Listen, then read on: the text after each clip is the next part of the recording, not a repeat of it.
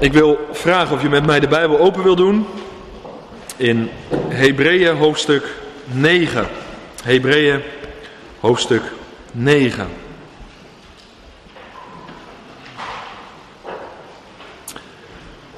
Prachtig gedeelte weer vanavond. En ik hoop dat je echt verlangend bent gekomen wat de Heer tot u, tot jou te zeggen heeft. Ik wil het eigenlijk net zo doen als een van de vorige keren. Ik lees niet het hele hoofdstuk in één keer. We lezen eerst de versen 1 tot en met 10. Dan zal ik daar een aantal gedachten over delen. En daarna lees ik vers 11 tot en met vers 28. Om vervolgens over dat gedeelte een aantal gedachten te delen. Dus nu eerst Hebreeën 9, vers 1 tot en met vers 10. En door het op deze manier te doen, hoop ik dat het allemaal te behappen is vanavond. Hebreeën 9, vers 1, daar staat het volgende. Nu had ook het eerste verbond verordeningen voor de eredienst en het aardse heiligdom. Er was immers een tabernakel ingericht en in het eerste gedeelte daarvan was de kandelaar en de tafel met de toonbroden. Dat werd het heilige genoemd. Maar achter het tweede voorhangsel was het gedeelte van de tabernakel dat het heilige der heilige werd genoemd. Met een gouden wierookvat en de ark van het verbond, die geheel met goud overtrokken was. En in deze ark lagen de gouden kruik met het manna en de staf van Aaron die gebloeid had. En de stenen tafelen van het verbond. En bovenop deze ark waren de gerubs van Gods heerlijkheid. Die het verzoendeksel overschaduwden. Over deze dingen zullen wij nu niet stuk voor stuk spreken. Dit, is, dit alles was dus zo ingericht. In het eerste deel van de tabernakel gingen de priesters voortdurend binnen om te dienen, om de diensten te volbrengen. In het tweede deel echter ging alleen de hoge priester eenmaal per jaar binnen, niet zonder bloed, dat hij voor zichzelf offerde en voor de afdwalingen van het volk. Daarmee maakte de Heilige Geest dit duidelijk, dat de weg naar het heiligdom nog niet openbaar gemaakt was, zolang de eerste tabernakel nog in gebruik was. Deze was een zinnenbeeld, je kan daar ook het woord gebruiken afbeelding of gelijkenis voor de tegenwoordige tijd. In overeenstemming daarmee werden er gaven en slachtoffers geofferd die niet in staat waren om hem, die de dienst verrichtte, wat zijn geweten betreft, tot volmaaktheid te brengen. Het betrof hier alleen voedsel en dranken en verscheidene wassingen. Vleeselijke verordeningen die opgelegd waren tot op de tijd van de betere orde. Tot zover de eerste tien versen. Om het even helder voor de geest te halen. We hebben de laatste studies nagedacht over onder andere hoofdstuk 7, Hebreeën 7. En in Hebreeën 7 hebben we de Heer Jezus gezien als de unieke, de ongeëvenaarde hoge priester. De betere, ja, de volmaakte hoge priester. Hebreeën hoofdstuk 7. Hebreeën hoofdstuk 8 bepaalde ons bij het nieuwe of het vernieuwde verbond. Een nieuwe overeenkomst met betere en vastere beloften. Dat was hoofdstuk 8. Maar niet alleen een nieuwe overeenkomst. Van die overeenkomst is de Heer Jezus ook de middelaar. Dus we hebben ook te maken met een middelaar, met een borg die hoort bij dat nieuwe verbond, bij die nieuwe overeenkomst. En dat woordje borg betekende dat de Heer Jezus garant staat voor de uitvoering van het nieuwe verbond. Je kan het allemaal terug bekijken op de video's over Hebreeën 7 en Hebreeën 8. En vanavond bepaalt Hebreeën 9 ons bij het nieuwe of het hemels heiligdom en het volmaakte offer van de Heer Jezus. Dat is Hebreeën 9. Dus het volmaakte heiligdom vanavond, maar vooral het volmaakte offer. Nou, om dat hemelse heiligdom, wat natuurlijk best wel een lastig begrip is, en ook het ingaan met het bloed in het hemels heiligdom, dat is nog best wel lastig om dat te vatten, wil de Bijbel ons een handje helpen om de diepte ervan te verstaan. Van dat nieuwe heiligdom, maar ook van dat volmaakte offer. En om ons daarbij te helpen, om dat beter te begrijpen, worden in Hebreeën 9 de eerste tien versen meegenomen naar de tabernakel. En de Bijbel zegt van die tabernakel dat het een heiligdom was, dus een gebouw apart gezet voor de eredienst aan de Here. Een gebouw noemt de Bijbel het met handen gemaakt. Mensenhanden wel te verstaan. Voor de schrijvers onder ons, als je alle instructies en voorschriften wil weten over dat aardse heiligdom, die tabernakel, dan kan je dat lezen in Exodus 25 tot en met Exodus 30. Daar staan alle voorschriften in. Wellicht is dat goed om eens een keer door te nemen. Maar dat, die tabernakel is een aards heiligdom door mensenhanden gemaakt. En nu is het heel opmerkelijk in Hebreeën 9 dat er verhoudingsgewijs niet zoveel aandacht is voor de inrichting van dat aardse heiligdom. Dat wordt hier ook verwoord. in vers 5b staat, over deze dingen zullen wij nu niet stuk voor stuk spreken. Er is niet zoveel aandacht voor de inrichting. Maar veel meer ligt het accent en staat de schijnwerper op de eredienst zelf. Beknopt wordt het toch even besproken. En wat het als tweede opvalt is dit, dat er slechts over twee gedeelten wordt gesproken. Nou, de kenners onder ons die zeggen natuurlijk, als ik Exodus goed lees, hoofdstuk 25 tot en met 30, dan wordt er over drie gedeelten gesproken. De voorhof, het heilige en vervolgens het heilige der heiligen. Nou, ik heb de maquette meegenomen. Daarin zie je dus duidelijk de drie delen, voor of heilige en heilige der heiligen. Maar ik heb ook even een plaatje op scherm gezet. Ik hoop dat het aardig leesbaar is. Waar je even de indeling hebt van de tabernakel. Het aardse huis van de Heere God. Twee gedeelten. Daar ligt het accent op in de Hebreeënbrief. En ze slaan dus eigenlijk de voorhof over. Terwijl dat ook belangrijk is, maar daar ligt vanavond niet het accent. We hebben als eerste natuurlijk de deur in de omheining. De deur die de Heer Jezus is. We hebben het brandofferaltaar. Wat een beeld is van Golgotha, waar de Heer Jezus zijn leven heeft gegeven. En we hebben het wasvat. Het water van het woord. Het bad van de reiniging. De priesters reinigden zich voordat ze het heiligdom ingingen. Nou, dat is de voorhof. Dat is het eerste gedeelte, maar dat komt hier niet ter sprake. We gaan direct door naar het heilige. En dat wordt in hoofdstuk 9 het eerste gedeelte genoemd. Nou komen we in dat heilige drie voorwerpen tegen. Het eerste wat we tegenkomen is de gouden kandelaar, de zevenarmige kandelaar. Je moet beseffen, in die tabernakel, dat zie je ook heel duidelijk in de maquette, daar waren natuurlijk geen vensters in aanwezig.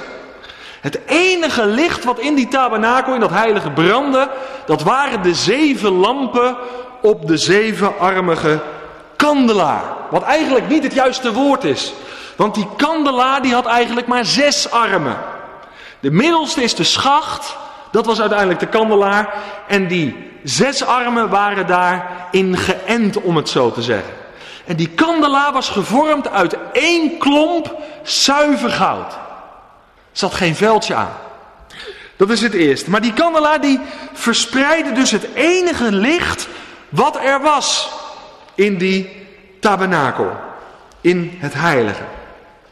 En die lampen, je zou kunnen zeggen, die lampen van die kandelaar, die wierpen goddelijk licht op hemelse dingen in een aardsheiligdom. Nog een keer. Die lampen van die kandelaar, die wierpen licht, goddelijk licht, op hemelse dingen. Want het, het sprak daar alleen maar van de heerlijkheid en van de majesteit van God. En daar wierpen de lampen hun licht op. Maar het was nog wel hier op aarde. Het was in een aardsheiligdom. Nu is het heel belangrijk dat we de betekenis van licht zien in de Bijbel. Je ziet dat in het begin, in Genesis 1, maakt God scheiding tussen licht en duisternis. En een belangrijke tekst in Jesaja 42, vers 6 leert ons dat het volk Israël toen en vandaag geroepen is om licht te verspreiden. Sterker nog, Israël, en beseft dat ook vandaag met alles wat over dat volk gezegd wordt. Israël is door de Heere God uitgekozen, uitverkoren, apart gezet om een licht te zijn voor de heidenvolken. Dus Israël heeft een hoge roeping. Licht verspreiden. De Heere God heeft ervoor gekozen om zichzelf door dat volk heen te openbaren. En de Messias zelf, de Heer Jezus Christus, die uit het volk is voortgekomen, daarvan lezen we dat Hij het licht der wereld is. Ik ben het licht van de wereld. Wie mij volgt zal in de duisternis niet wandelen, maar zal het licht van het leven hebben. En jij en ik? Die leven onder het nieuwe verbond. Apostel Paulus onderwijst de Efeziërs en over hun hoofden heen in Efeze 5 vers 8. Jullie zijn kinderen van het licht. Wandel dan als kinderen van het licht. En de wereld om ons heen, de ongelovige wereld, leest geen Bijbel meer. En helaas lezen ook weinig mensen die lid zijn van een kerk amper nog de Bijbel. Maar jij en ik die leven onder een nieuw verbond. Daar kom ik straks op. Wij die het heilige de heiligen zijn binnengegaan. Die God hebben leren kennen als het licht. En die er vast van overtuigd zijn. In hem is geen duisternis. Jij en ik zijn vandaag geroepen om in deze laatste dagen. Ja, mag ik dit zo zeggen? Grote bouwlampen te zijn. In een donkere en een duistere wereld. Dat was de kandelaar. Het tweede wat we tegenkomen is de tafel met de toonbroden. Dat is ook een voorwerp in het heilige. En hoeveel toonbroden waren er? Er waren twaalf toonbroden. Voor elke stam één. Dus heel Israël was vertegenwoordigd in het heilige. En het is interessant, die broden, die werden, die toonbroden, die werden gemaakt van het manna wat het volk verzameld had. Twaalf broden, gemaakt van manna. En die broden die werden, of die broden die getuigden van Gods trouwe zorg en leiding te midden van zijn volk. Gods trouw en zorg voor zijn volk. Daar getuigden die twaalf toonbroden van. En die trouw en die zorg, luister goed, die gold dus voor het hele volk. Daarom geloof ik dat waar het Joodse volk ook verspreid is, God ook met die twaalf stammen tot zijn doel gaat komen. Met alle twaalf. Hij zorgt voor zijn volk, dwars door de stormen heen. En op de Shabbat werden die oude broden vervangen door nieuwe. En die toonbroden, die deden dus ook dienst als voedsel voor de priesters. Zij waren de enigen die mochten eten van die toonbroden. En het bijzondere is, die broden werden toonbroden genoemd. Dat wil zeggen, ze werden aan de Heere God getoond, ook als een teken van dank voor zijn zorg en voor zijn trouw over het volk. Dat is mooi. De Heer Jezus, hij zegt, ik ben het levende brood dat gegeven is voor de hele wereld. Johannes 6. En naar de mate wij dat brood eten, naar de mate dat wij de Heer Jezus Christus tot ons nemen, Jeremia zegt dat hè, zo mooi. Toen uw woorden tot me zijn gekomen, heb ik ze opgegeten. Zo mogen wij vandaag de Heer Jezus, dat levende brood, tot ons nemen, zodat Hij onderdeel van ons leven wordt en wij door die voeding die Hij zelf is, innerlijk worden versterkt en bekrachtigd. En wat gebeurt er dan? Manna werd gevormd tot toonbroden. Maar naar de mate dat wij meer en meer de Heer Jezus tot ons nemen, Hem als het ware opeten, worden ook jij en ik gemaakt, gevormd tot toonbroden. Zodat we door de Zoon opgeheven worden en getoond worden aan de Vader. Als degene die aan Hem gegeven zijn. En we worden gevormd innerlijk vanuit de Zoon. Zodat de Vader zichzelf in ons terug gaat zien. Is dat mooi of is dat mooi? Zodat we getoond kunnen worden voor onze hemelse Vader. De toonbroden, ze staan in het heilige der heiligen. En werden aan de Heere God getoond. Drie. Dan komen we bij een moeilijk puntje. Misschien ben je een beetje thuis in die tabernakeldienst. En heb je van tevoren Exodus 25 tot 30 doorgelezen. Wat je dan is opgevallen, als je het met Hebreeën 9 vergelijkt. Sommigen zie ik al knikken. In Exodus staat het reukofferaltaar in het heilige. En Hebreeën 9 plaatst het reukofferaltaar in het heilige der heiligen. En dat is opvallend. Daar zijn verschillende verklaringen voor. Een verklaring is de volgende. Die verklaring luidt dat het reukofferaltaar niet in het heilige der heiligen heeft gestaan, zoals Hebreeën 9 gezegd. Maar zoals Exodus 25 tot 30 zegt, dat hij het reukofferaltaar in het heilige stond. Maar luister goed, dat de bediening er wel werd uitgevoerd.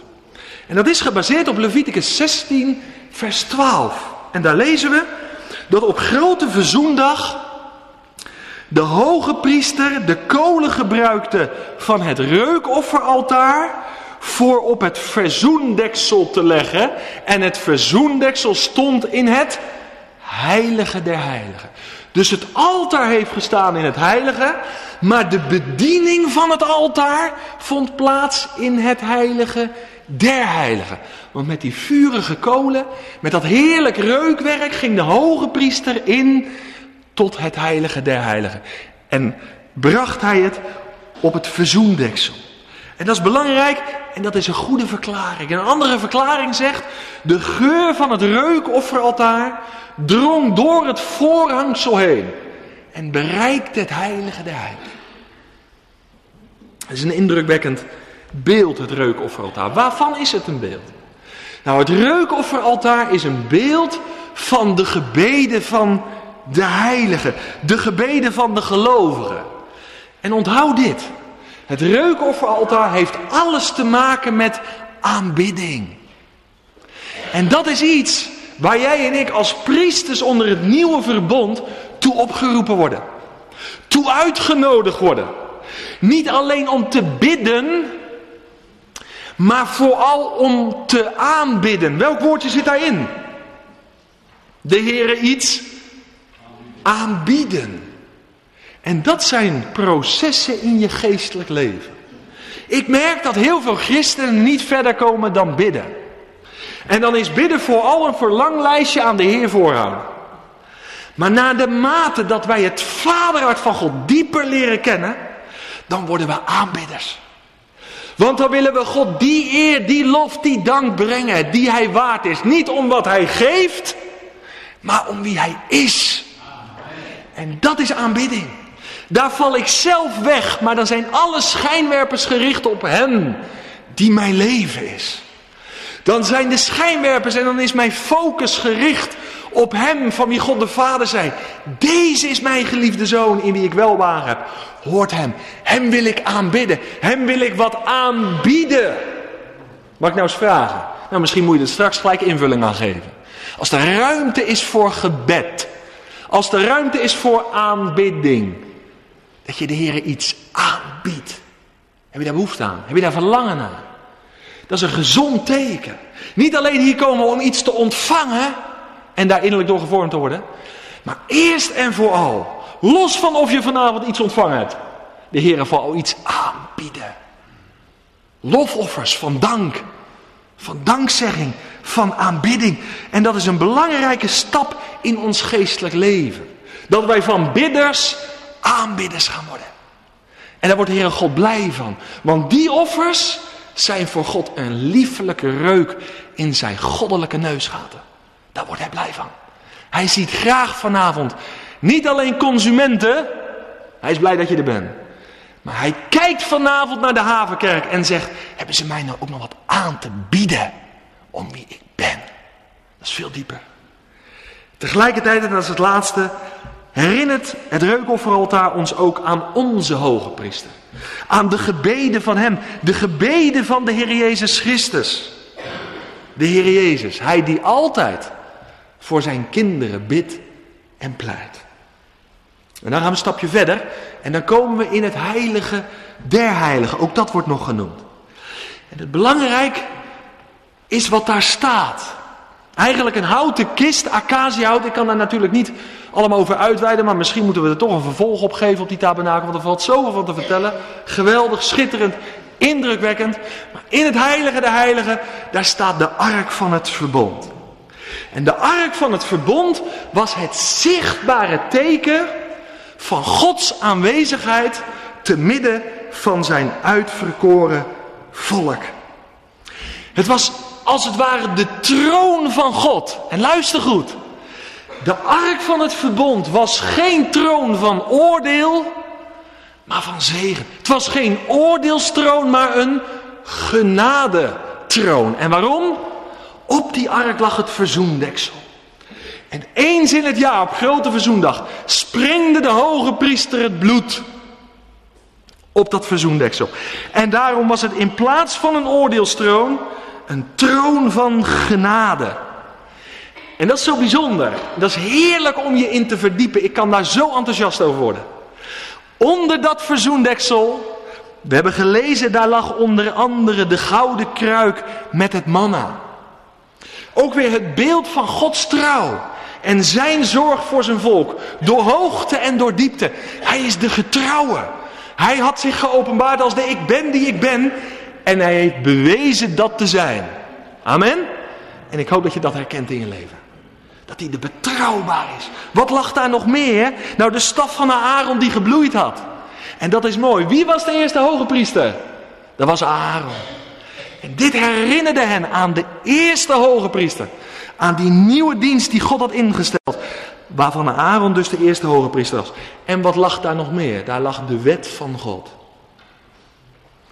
En waar ontmoette de Heere God zijn volk? Dit is belangrijk. Ontmoette hij zijn volk in de kist, in de ark? Of ontmoette de Heere God zijn volk op de ark? Hij ontmoette zijn, God, zijn volk op de ark. Waarom? Omdat daar bloed tussen lag. Tussen de wet en die ontmoeting lag het bloed gesprengd. Er was sprake van genade. Er was sprake van bloed. En alleen waar het bloed was, kon de Heer, die heilig is en rechtvaardig is, zijn onheilige volk ontmoeten. En het is vandaag niet anders. Door het bloed van de Heer Jezus Christus kan Gods, gena kan Gods troon, ja is Gods troon een genadetroon geworden. Waar hij zondaren ontmoet en aanneemt tot zijn kinderen. En er gebouwd gaat worden aan een hechte, innige relatie. En te midden van alles wat je zag aan voorwerpen, sprak alles, alle kleuren van de heerlijkheid en de majesteit van God. En het was een en al goud wat er blonk. Acaciahout, overtrokken met goud als beeld van Gods macht en van Gods majesteit. Maar, maar, ondanks dat het een geweldige afschaduwing was van de persoon en het werk van de Heer Jezus Christus. Ondanks dat alles sprak van de heerlijkheid van God in die tabernakel. Toch, en daar ligt het accent op, was het een aards huis van God. Was het een aards heiligdom. En wat betekende dat? Omdat het een aards heiligdom was, hadden we ook te maken met verschillende zwakheden en beperkingen. En als je dat vat vanavond, dan ga je de rijkdom straks zien van dat nieuwe heiligdom en van het volmaakte offer. Hoe heerlijk ook, het was een aardsgodshuis. Wat waren dan een aantal van die beperkingen? Nou, laat ik er vier noemen. Een van de beperkingen was de tabernakel en de tempel. Ervan moet gezegd worden dat ze vergankelijk waren. Er moest wel eens wat gerepareerd worden. En uiteindelijk, zowel de tabernakel als de latere tempels, ze waren aan vergankelijkheid onderhevig. Ik heb een goede boodschap. Het hemels heiligdom, daar waar Christus is ingegaan en jou en mij heeft meegenomen, is onvergankelijk, is eeuwig. Het tweede wat we hiervan kunnen zeggen is dit. Het aardse heiligdom was niet toegankelijk voor elke Israëliet. Lees maar in vers 6 tot en met 8. De priesters deden dagelijks hun werk tussen de voorhof en het heilige. De hoge priester, één keer in het jaar kwam hij in het heilige de heilige, op grote verzoendag.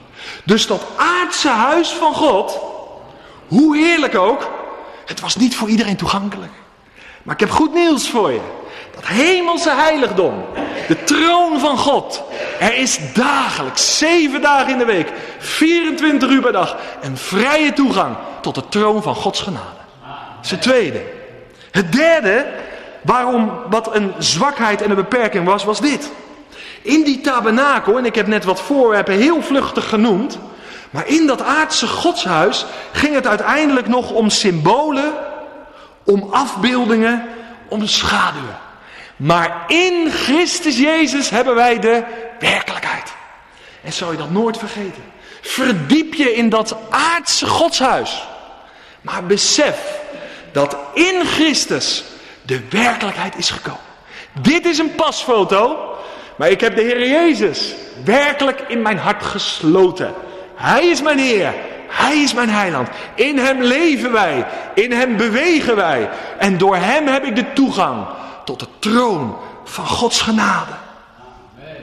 De derde zwakheid van dit, de vierde en laatste zwakheid en beperking van dit aardse godshuis.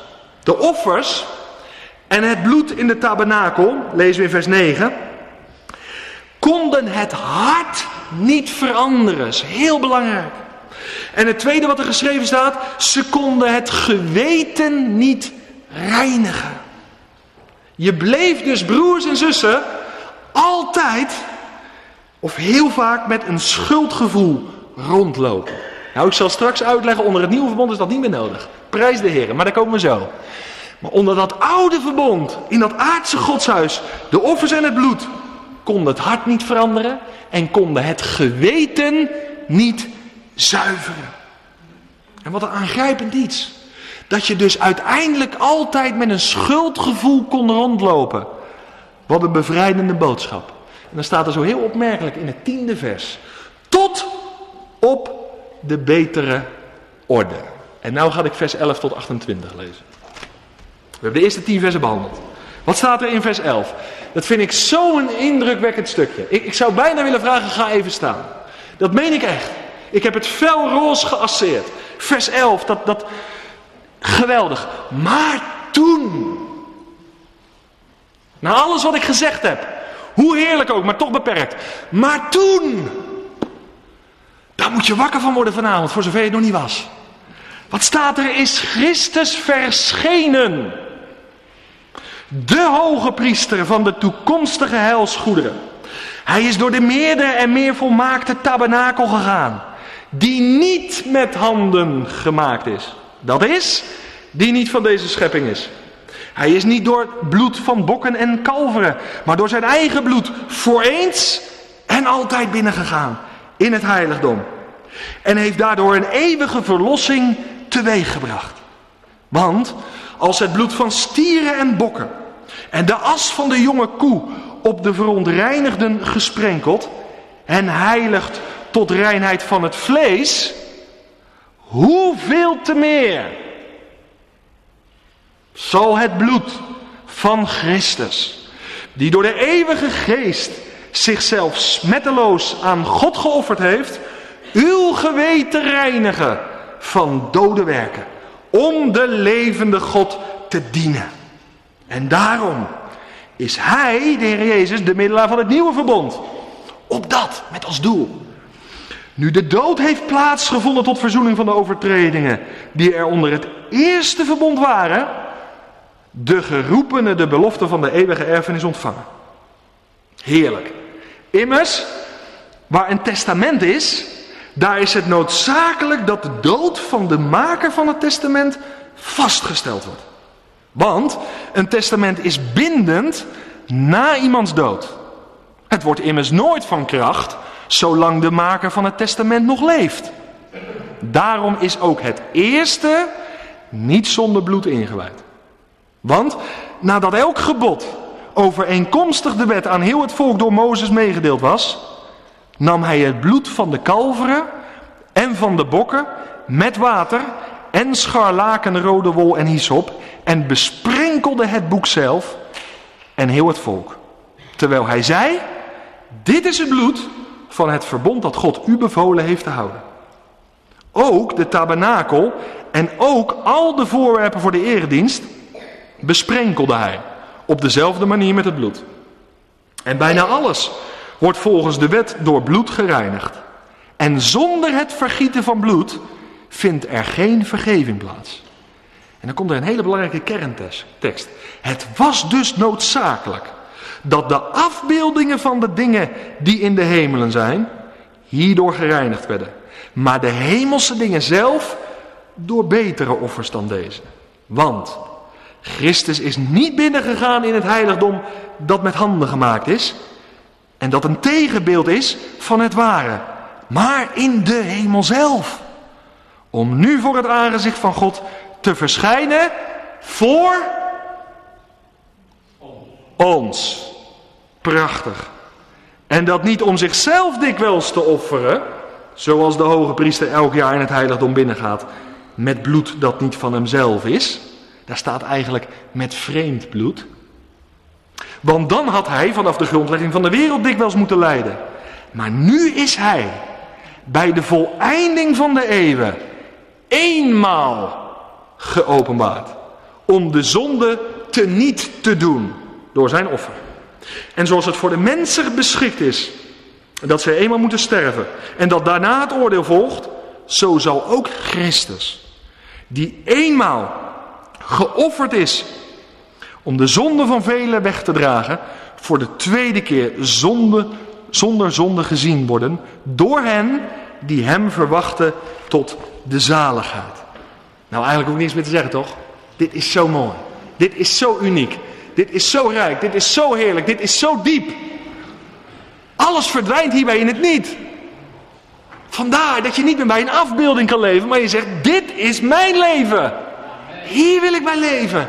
Hier wil ik uitleven. Dit is de volheid. En dit is ook de tijdperk waar jij en ik in leven.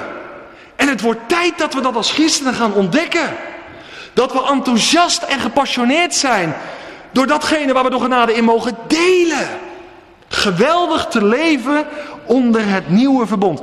Maar toen is de meest, misschien wel de meest indrukwekkende tekst uit de Bijbel, voor mij althans. Maar toen, dat wil zeggen, na alle, na, na het aardse heiligdom, met haar offerdienst. Hoe rijk, hoe heerlijk ook. Volgt het volmaakte offer van Christus in het heiligdom. Maar toen, is een kantelmoment. En ik heb het net met de broeders ook gedeeld. Probeer eens te beseffen wat dat voor die Hebreeën betekend heeft. Wij lezen dit. Maar dan moet je even beseffen, hè, die eredienst. Heel dat leven rondom die tabernakel. Het volk lag er omheen. Was voortdurend op dat heiligdom gericht. Werd voortdurend geconfronteerd met een wit doek. Wat zij verboden toegang. Je kan niet naderen tot de heilige God. En heel die eredienst had een impact op hun leven. Van s vroeg tot s avonds laat. En nu komt dat kantelmoment. Maar toen. Kijk daarom niet neer op het Joodse volk die dat niet direct aanvaarde. Dat is een verandering geweest. En ik heb het tegen de broeders gezegd toen Johannes daar liep. Met die grote vinger. Toen de Messias, het lam van God gekomen was. Zei Johannes, zie het lam van God. Wisten ze wat een lammetje was? Nou en of. Ze begrepen het precies. Hij sprak in hun taal. Hij sprak over de offerdienst. Zie het lam van God dat de zonde der wereld wegdraagt. Er ging direct een lampje branden. Maar hoe kon dat in één keer? Dat in één lam, met één offer, alles was volbracht. Hoe zou jij gereageerd hebben? Als daar Johannes kwam in die kemels mantel. En hij wees hem aan. Zou je direct gezegd hebben, ja, dat is logisch, ik aanvaard hem in maart. Ik begrijp de reactie zo nu en dan wel. Als je beseft hoe diep die eredienst erin zat. En hoeveel ontzag het volk voor deze eredienst had. Maar toen, Christus is verschenen, lezen we in vers 11. Dat is de verschijning in het verleden. Maar toen Christus is verschenen, de hoge priester van de toekomstige heilsgoederen, hij is door de meerdere en meer volmaakte tabernakel gegaan, die niet met handen gemaakt is. Dat is die niet van deze schepping is. De volmaakte tabernakel. Ik heb dat vorige keer uitgelegd. Het gaat om de woonplaats van God. Het gaat om de plaats daar waar de troon van God is. Het is de plaats waar de heilige engelen heel de dag uitroepen met Jezaja zegt. 6. Heilig, heilig, heilig is de Heer. Dat is het hemels heiligdom. En de Heer Jezus. Hij is de hemelen doorgegaan tot op de troon van God. En die hemelen, die zijn niet door sterfelijke handen gemaakt. Dat wordt hier bedoeld en behoren niet tot de aardse materie. Zoals dat aardse heiligdom wel aardse materie was. Maar dat hemels heiligdom is geen aardse materie. De toekomstige helsgoederen. Goederen, dat komt van het woord het goede. De goede dingen. De zegeningen. En als het gaat over de toekomst, dan zijn die zegeningen verbonden aan het Messiaanse vrederijk. Daar houden ze verband mee. Maar luister goed, ik heb het je uitgelegd vanuit Jeremia 31. Door het geloof delen jij en ik nu al onder het nieuwe verbond in die toekomstige heilsgoeden. En waar had dat mee te maken? Dat had te maken met het bloed van het lam. En nu begrijp ik de Heer Jezus in Lucas 22, vers 20. Als hij over zijn bloed spreekt, dan spreekt hij over het bloed van het nieuwe verbond. Voor degenen die vandaag geloven, worden de zegeningen als het ware al naar voren gehaald. En mogen wij nu al genieten van die volheid, die straks ten volle ook het volk van God, Israël, ten deel zal gaan vallen. Dat geloof ik van harte. En wij mogen er nu al van genieten. Nou, nu wordt in vers 15 tot en met 17, dat is heel mooi. Een van de prachtigste stukjes uit dit gedeelte. Wordt het nieuwe verbond geïllustreerd met het beeld van een testament.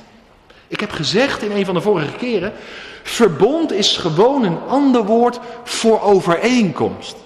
Maar het is meer dan een overeenkomst. Het is ook een beeld van het testament.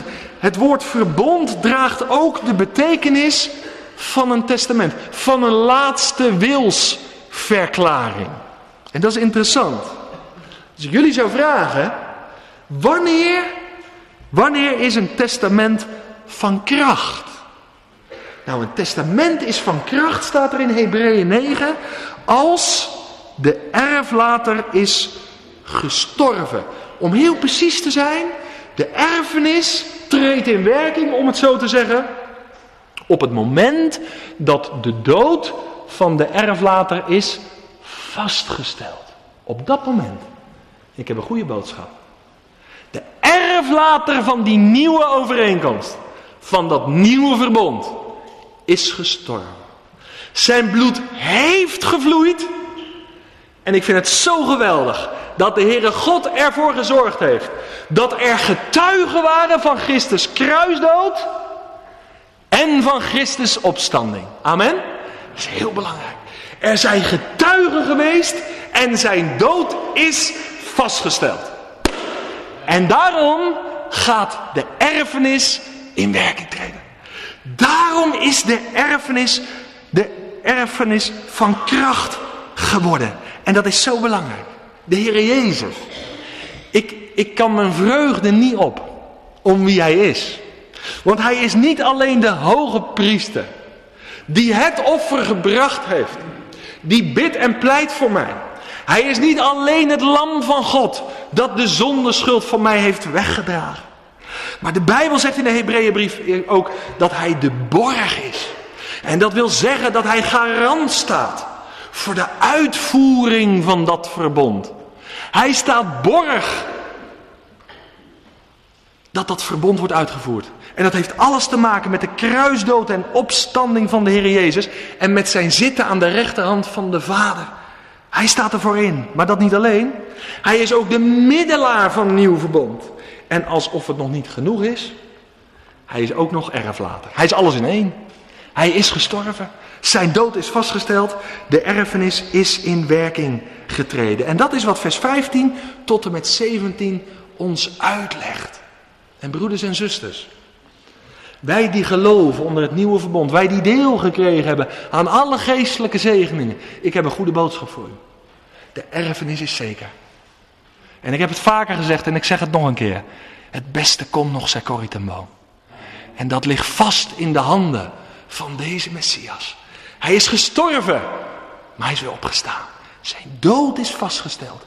En dat betekent dat de erfenis waar jij en ik in mogen delen niet een misschientje is, maar het heeft fundament. Het is vast en zeker. Mag ik het zo zeggen? Het is vastgelegd bij de notaris, maar dat niet alleen. Het is al van kracht vandaag. We hebben een erfenis voor ons. We zijn schatrijke mensen. Leef je ook zo? Leef je ook zo? Daar gaat het om. Dat als ik je dit verkondig, dat je zegt, nou dat is wel aardig om naar te luisteren. Hij zet het goed uiteen. Nee, het gaat erom dat we het pakken, dat we het geloven, dat we de Heer ervoor gaan danken en dat we eruit gaan leven. En dat je buurman morgen merkt dat jij iemand bent die leeft onder een nieuw verbond. En dat je schat hemeltje rijk bent. Al woon je misschien in een heel eenvoudige woning. En misschien heb je ook ineens een auto. Maar dat je zegt, mijn erfenis die komt nog wel. Die ligt vast. Onwrikbaar vast in mijn Heer, in mijn heiland. De Heer Jezus, Hij is het geheim daarvan. En let nu op vers 18. Het is heel belangrijk dat het zowel het oude als het nieuwe verbond ingewijd wordt door het bloed. Dat gold ook voor het oude verbond. Je leest in vers 19 tot en met 21 over de uiterlijke reinigingsrituelen door het bloed onder het oude verbond. Heel de eredienst was met bloed, bloed besprenkeld om het te reinigen. Dus bloed had een belangrijke functie ook onder het oude verbond. En de reden hiervan staat dan in vers 22b. Wat lezen we daar? Zonder het vergieten van bloed vindt er geen vergeving plaats. En dan komt de conclusie in vers 23. Het was dus noodzakelijk dat de afbeeldingen van de dingen die in de hemel zijn, hierdoor gereinigd werden. Dit is een afbeelding wat voor je staat van wat in de hemel is. Dat is duidelijk. Maar ook die afbeelding werd door bloed gereinigd. Elk detail, elk voorwerp, indrukwekkend, door bloed gereinigd. Maar de hemelse dingen zelf worden door betere offers dan deze gereinigd. En nu komen we bij een belangrijk punt. En dan begin ik een beetje af te ronden. Maar dit is zo rijk. Wat is nu? Nee, ik moet het anders vragen. Wat maakt nu dat het offer en inherent daaraan het bloed van de Heer Jezus nu zo bijzonder en zo uniek is? Het bloed van het nieuwe verbond is uniek en ongeëvenaard ten opzichte van het bloed van het oude verbond. Maar waarom is dat zo? Vier redenen. En dat zijn vier redenen die je enorm gaan bemoedigen. Die je echt blij maken van binnen. Die je niet een gemaakte glimlach geven, maar die je gefundeerde blijdschap geven in je hart. Waar je mee verder kan. Waar je echt wat aan hebt. Nou, het eerste wat ik over dat bloed kan zeggen en over dat offer is dit. In tegenstelling tot de aardse hoge priester is de Heer Jezus met zijn eigen bloed de hemel binnengegaan. En dat voor eens en voor altijd. En dat ten behoeve van anderen. Waar lees je dat? Vers 12, vers 24 en vers 25. De hoge priester onder het oude verbond ging met vreemd bloed het heiligdom binnen. Dat staat er letterlijk. Het bloed van bokken, kalveren, noem op. Vreemd bloed. Maar onze hoge priester gaf zichzelf en stortte zijn bloed. En is met zijn eigen bloed het hemels heiligdom binnengaan. Er is niemand zoals u, Heer Jezus. U bent de unieke, u bent de ongeëvenaarde. En hij heeft dat gedaan eens en voor altijd. Dat is iets wat je moet onderstrepen in je Bijbel. Eens en voor altijd. Ik zeg wel eens dit. Als de Heere God iets doet, dan doet hij het goed. Niet allemaal met je plak en pleisterwerk. Als hij het doet, doet hij het goed. In de Heer Jezus heeft hij het compleet gemaakt. Heeft hij het helemaal goed gedaan. En alle eeuwen daarvoor wezen heen naar hem. En brachten een roep en een hartekreet in de mensheid naar boven. Schenk zo een hoge priester. Eén die volmaakt is. En die met zijn eigen bloed binnengaat. En dan nog wat, wat ik net genoemd heb. Hij deed het voor anderen. De hoge priester, de priesters, die moesten ook voor zichzelf offeren. Maar dat had hij niet nodig. Hij is tot zonde gemaakt, zegt Paulus. Dat is iets anders. Maar hij deed het. Hij liet zichzelf tot zonde maken om verzoening voor jou en mij aan te brengen. Dat is het eerste. Het tweede. En wat ik nog vergeet te zeggen, dat is zo mooi. Het offer van de Heer Jezus was voor de Heere God een aangename reuk. Dat wil zeggen dat God de Vader instemde met het offer en het bloed van Jezus. Hij keurde het goed. Het is volmaakt. Er hoeft niks meer toegevoegd te worden. En dat bloed verkondig ik. Dat is het bloed van het nieuwe verbond. Het tweede, waarom dat bloed en het offer van de Heer Jezus zo bijzonder en uniek is. Luister goed. In tegenstelling tot bloed van bokken en kalveren, schenkt het bloed van de Heer Jezus eeuwige verlossing. En, alsof het nog niet genoeg is, reinigt het ons en schenkt het ons een vrij geweten. Vers 13 en 14. Dat is zo belangrijk. Het bloed onder het oude verbond gaf geen eeuwige verlossing. Maar het bloed van Jezus Christus reinigt ons van alle zonden van nu aan tot in eeuwigheid. Daar is kracht, wonderbare kracht in het bloed van het lam. En daarom moet het over de Heer Jezus gaan. Daarom moet het over het lam van God gaan. In de gemeente en in bijbelstudies en in preken. Want als we hem zien, dan gaan we leven. Hij gaf zijn bloed tot eeuwige verlossing. En dan nog zoiets belangrijks. We hebben gelezen, en ik heb het gezegd, onder dat oude verbond werd die priester niet innerlijk gereinigd. Hij liep nog met een aanklacht misschien rond. Met een schuldgevoel liep die Israëliet misschien nog rond. Maar het bloed van Jezus, broeders en zusters, dit is zo belangrijk vandaag. Dat schenkt mij vergeving van zonde. Maar de Bijbel zegt dat het ook mijn geweten reinigt. En ik wil je vragen, heb je een rein geweten? Heb je een aanklacht in je geweten of niet? Ik verkondig je het bloed van Jezus, waardoor je met een vrij geweten kan leven. Er is geen grotere zegen dan een vrij geweten te hebben. Er was een Puriteinse prediker die gezegend was met alle geestelijke zegeningen. Maar hij lag op zijn sterfbed en hij zei tegen een van zijn broeders die hem bezochten. Hij zegt, ik heb iets waar ik zo intens dankbaar voor ben. Ik ben nu stervende, maar ik heb een vrij geweten. Er ligt niets tussen God en mij in. En er ligt niets tussen mij en mensen in. Ik ben vrij. Naar geest, naar ziel en naar lichaam. Zelfs vrij in zijn geweten. Broeders, dat is vrucht van het bloed van Jezus. En mag ik vragen, loopt u, loop jij rond met een aanklacht in uw geweten? Heer Jezus nodigt je. Om ook je geweten te laten reinigen. Wat een rust hè. Er zijn wat mensen die een stemmetje in hun hoofd horen. Die achtervolgd worden door een aanklacht. Ze zijn niet echt vrij. Ze lachen wel, maar ze zijn niet blij. Maar een christen die leeft onder het nieuwe verbond, heeft reden om echt blij te zijn. Vergeving van zonde en een zuiver rein geweten. Door het bloed van de Messias. Dat is het tweede. Innerlijk geen aanklacht meer, maar een echt vrij mens. Het derde. Het bloed van de Heer Jezus leidt, zegt vers 14, tot een dienend leven. En dienst aan Hem betekent in het kader van de Hebreeënbrief en in het kader van die tabernakeldienst vooral de dienst van aanbidding. Mooi is dat. Wij zijn gemaakt, zegt de Petrusbrief en de boek Openbaringen, tot koningen en priesters. Geweldig.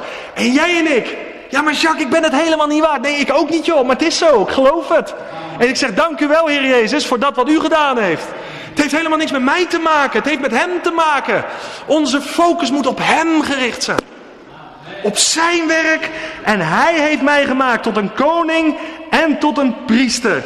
En hij nodigt me uit om tot de troon van de genade te komen en om te brengen lofoffers. Hebreeën 13, vers 15. Dat is toch geweldig? Wat de hoge priester alleen mag doen. De priester tot in het heilige. De hoge priester tot in het heilige de heilige. Maar het voorhangsel is gescheurd. De Bijbel zegt dat is het lichaam van Christus. Dat is gescheurd en verbroken. Waardoor de toegang tot de Vader vrij is. Niet alleen om van hem iets te vragen. Maar om als priester te dienen met offers van aanbidding. Heerlijk, geweldig. Dat was het derde. Het vierde. Het offer. En het bloed van de Heer Jezus is eenmaal, zo mooi, op de door God bepaalde tijd, geopenbaard en onthuld om de zonde, vers 26, lees het goed, te niet te doen. Dat is het vierde. Dat is belangrijk vandaag. Het gaat hier niet om zonden met de N van Nico aan het eind, maar om zonde. Dat wil zeggen de zonde macht. Dat is goede boodschap toch? Vandaag wordt heel veel verkondigd. De Heer Jezus heeft zijn bloed gegeven tot verzoening van jouw zonden. Maar stel, je ontvangt vanavond de Heer Jezus in je hart en je leven. Dan krijg je vergeving van je zonden. Maar hoe is het met de bron? Want morgen begint er weer een nieuwe dag. Heeft de Heere God ook iets met de bron gedaan? Met het mechanisme gedaan? Nou, hier staat het antwoord. De Bijbel zegt, het bloed van Jezus, het offer van Jezus, heeft de zonde teniet gedaan. Het gaat om de zondemacht. Het bloed van hem heeft het mechanisme, de macht, de bron, luister goed, buiten werking gesteld. En dit is exact wat de apostel Paulus schrijft aan de gemeente in Rome, in Romeinen 6. Lees het vanavond thuisgekomen maar na. Laat de zonde dan niet meer over u heersen. De boodschap van het bloed en het offer van Jezus is dit. Dat ik niet meer onder de heerschappij van de zonde ben. Ik ben geen slaaf meer van de zonde. Paulus zegt, wijd jezelf toe met al je leden aan de gerechtigheid. Dat is het nieuwe leven. En ik geloof, hoe je er ook over denkt, dat dit leven mogelijk is onder het nieuwe verbond. Geen aanklacht meer in mijn geweten, geen slaaf meer van de zonde, vrijgezet van elke macht en van elke kracht. Door wie? Door de Heer Jezus Christus alleen. Dat is het vierde. Het bloed van Jezus Christus. Dat wordt zo kostbaar. Dat wordt zo een wonder voor ons leven. Naar de mate we ouder worden, des te meer verwondering. En dan tenslotte, ik moet echt afronden, vers 27 en 28. En zoals het voor de mensen beschikt is. Hebreeën 9, vers 27 en 28. En zoals het voor de mensen beschikt is dat zij eenmaal moeten sterven. En dat daarna het oordeel volgt, zo zal ook Christus, die eenmaal geofferd is om de zonden van velen weg te dragen, voor de tweede keer. Mooi hè? Mijn hart brandt. Zonder zonde gezien worden door hen die hem verwachten tot zaligheid. Tussen deze verzen is een vergelijking, en sprake van een vergelijking. En dat is als volgt, deze, luister goed. Zo zeker dat het is dat een mens als gevolg van de zondeval moet sterven, dat is een zekerheid. Zo zeker is ook Christus één keer die type dood gestorven. Begrijp je wat ik daarmee bedoel? Hij is mens geworden. Hij is zoon des mensen om zijn leven af te leggen. Zo zeker is dat. Maar met dit verschil, met dit verschil. Voor de gelovigen, voor de ongelovigen, wacht de zekerheid van het oordeel met de uiteindelijke eeuwige dood en de poel van vuur tot gevolg. Voor de ongelovigen. Dat is ook de zekerheid. Maar voor Christus gold na zijn dood de verheerlijking. Die wachtte op hem. En uiteindelijk straks zijn wederkomst. Dat is wat hier staat. En wat geldt dan vandaag? Voor de gelovigen. Voor jou en voor mij. Die vanavond dankzij de genade van de Heer Jezus Christus geopenbaard in niemand minder dan vorst Messias. Wat geldt voor jou die leven onder het nieuwe verbond? Nou, ik wil afsluiten met drie V's. Dat is zo rijk. De eerste V die geldt, die, die luidt: wij mogen leven in de vreugde van de Heer. Nehemia zegt, laat de vreugde van de Heer je kracht zijn. Waarom, Jacques? Omdat we vrede hebben met God door het geloof in Jezus kruisdood en opstanding. De eerste V is vreugde. Niet een gemaakte vreugde, maar een gefundeerde vreugde. Gefundeerd in de persoon en het werk van Christus alleen. De tweede V is een belangrijke vandaag. Dat is vrijheid. We mogen door dat volmaakte offer van de Heer Jezus Christus vrij naderen tot God met vrijmoedigheid. Nader tot God, zegt Jacobus. En hij zal tot u naderen. Dat is vrucht van het nieuwe verbond. Vrijheid. En nog iets over vrijheid. We mogen delen in ook een vrij geweten.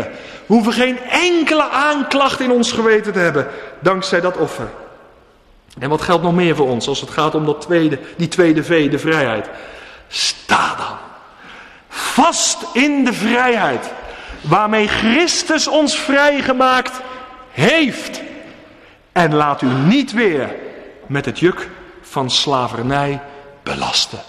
Een goddeloos juk, maar schrik niet, of een godsdienstig juk.